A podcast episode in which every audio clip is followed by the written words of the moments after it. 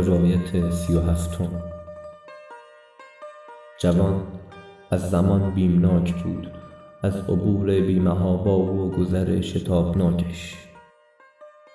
می گفت دست های زمان از طوفان است می آید و می گذرد و همه چیز را در می نوردد نشان همه چیز را پاک می کند و رد همه چیز را می روبد کاش اما نشانی بود و ردی که به هیچ باد و بورانی زدوده نمی شد و هیچ طوفانی را یارای او نبود. جوانمرد گفت بنویس. جوان گفت با چه بنویسم؟ و بر چه بنویسم که بماند؟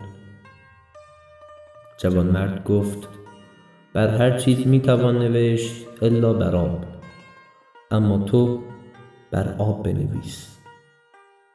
بر آب بنویس و با خون خویش این یادگاری است که تنها عاشقان و مستان و سوختگان می‌گذارند و در جهان تنها همین نشان میماند.